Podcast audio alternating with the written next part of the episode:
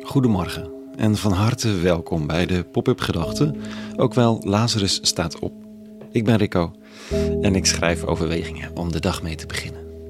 Vandaag met de titel De Verademing. Pop-up Gedachten maandag 11 april 2022.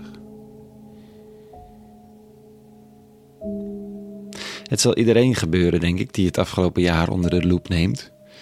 Dat je verbijsterd bent over wat er eigenlijk allemaal is gebeurd. Hoeveel er is gebeurd. Wat je eigenlijk allemaal bent vergeten.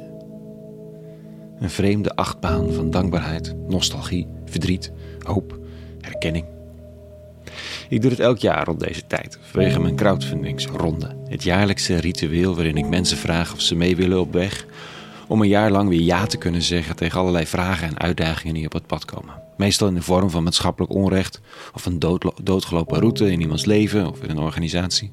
En dan aan de slag met liefde, hoop, woede soms. De bijdragers geven me de vrijheid om gewoon maar weer eh, aan de slag te gaan. En dat doe ik dan een jaar en kijk terug en doe verslag van die actie om paspoorten te laten maken voor Afghanen met wie Nederland had samengewerkt, zodat ze konden worden geëvacueerd. Een, een kapel voor rouw. Een, ontroerende multireligieuze gebedsoproep op het christelijk geïnspireerde Graceland Lentefeest.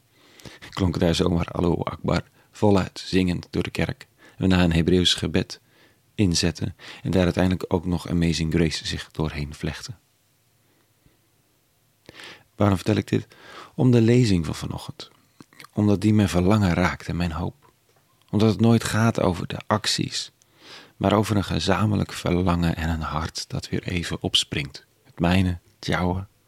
Daarom is een crowdfunding interessant, omdat het weer even mensen aan elkaar verbindt. Jou en mij. Rond onze hoop en ons gedeeld verlangen. Dit staat er in de lezing. een tekst van Jezaja, een van de allergrootste profeten uit de Tenach, het Oude Testament briljant, poëtisch, diep visionair. Dit zegt hij, zag hij over de profeet die komen zou, de Messias. Hij roept niet, hij schreeuwt niet, en op straat verheft hij zijn stem niet. Het geknakte riet zal hij niet breken, de kwijnende vlaspit niet doven, in waarheid zal hij de gerechtigheid laten stralen. Onvermoeid en ongebroken zal hij op aarde gerechtigheid laten zegevieren. De verre kusten zien uit naar zijn leer.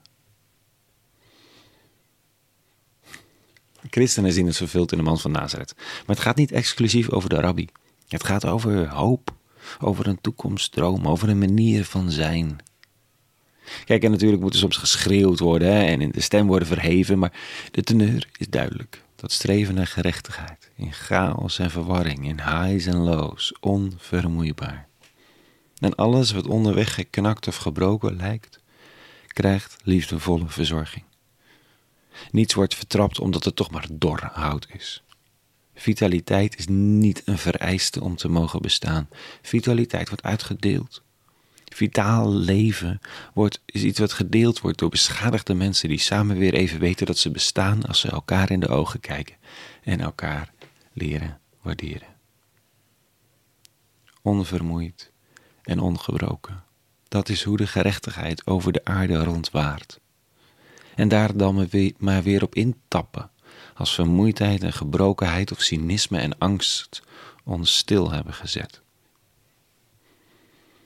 Ja, en dat zijn de verre kusten, staat er, die hier naar uitzien. Naar gerechtigheid. Nou, zeker nu in tijden van stijgende zeespiegels en dreigende klimaatoorlog. Dus elke dag dan maar weer opnieuw op weg gaan. Met een nieuwsgierigheid naar wat de dag gaat brengen.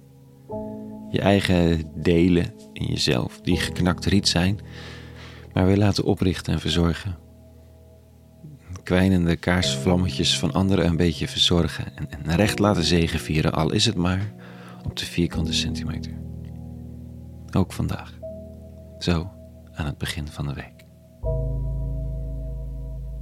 Een hele goede maandag gewenst vandaag en vrede. En alle goeds.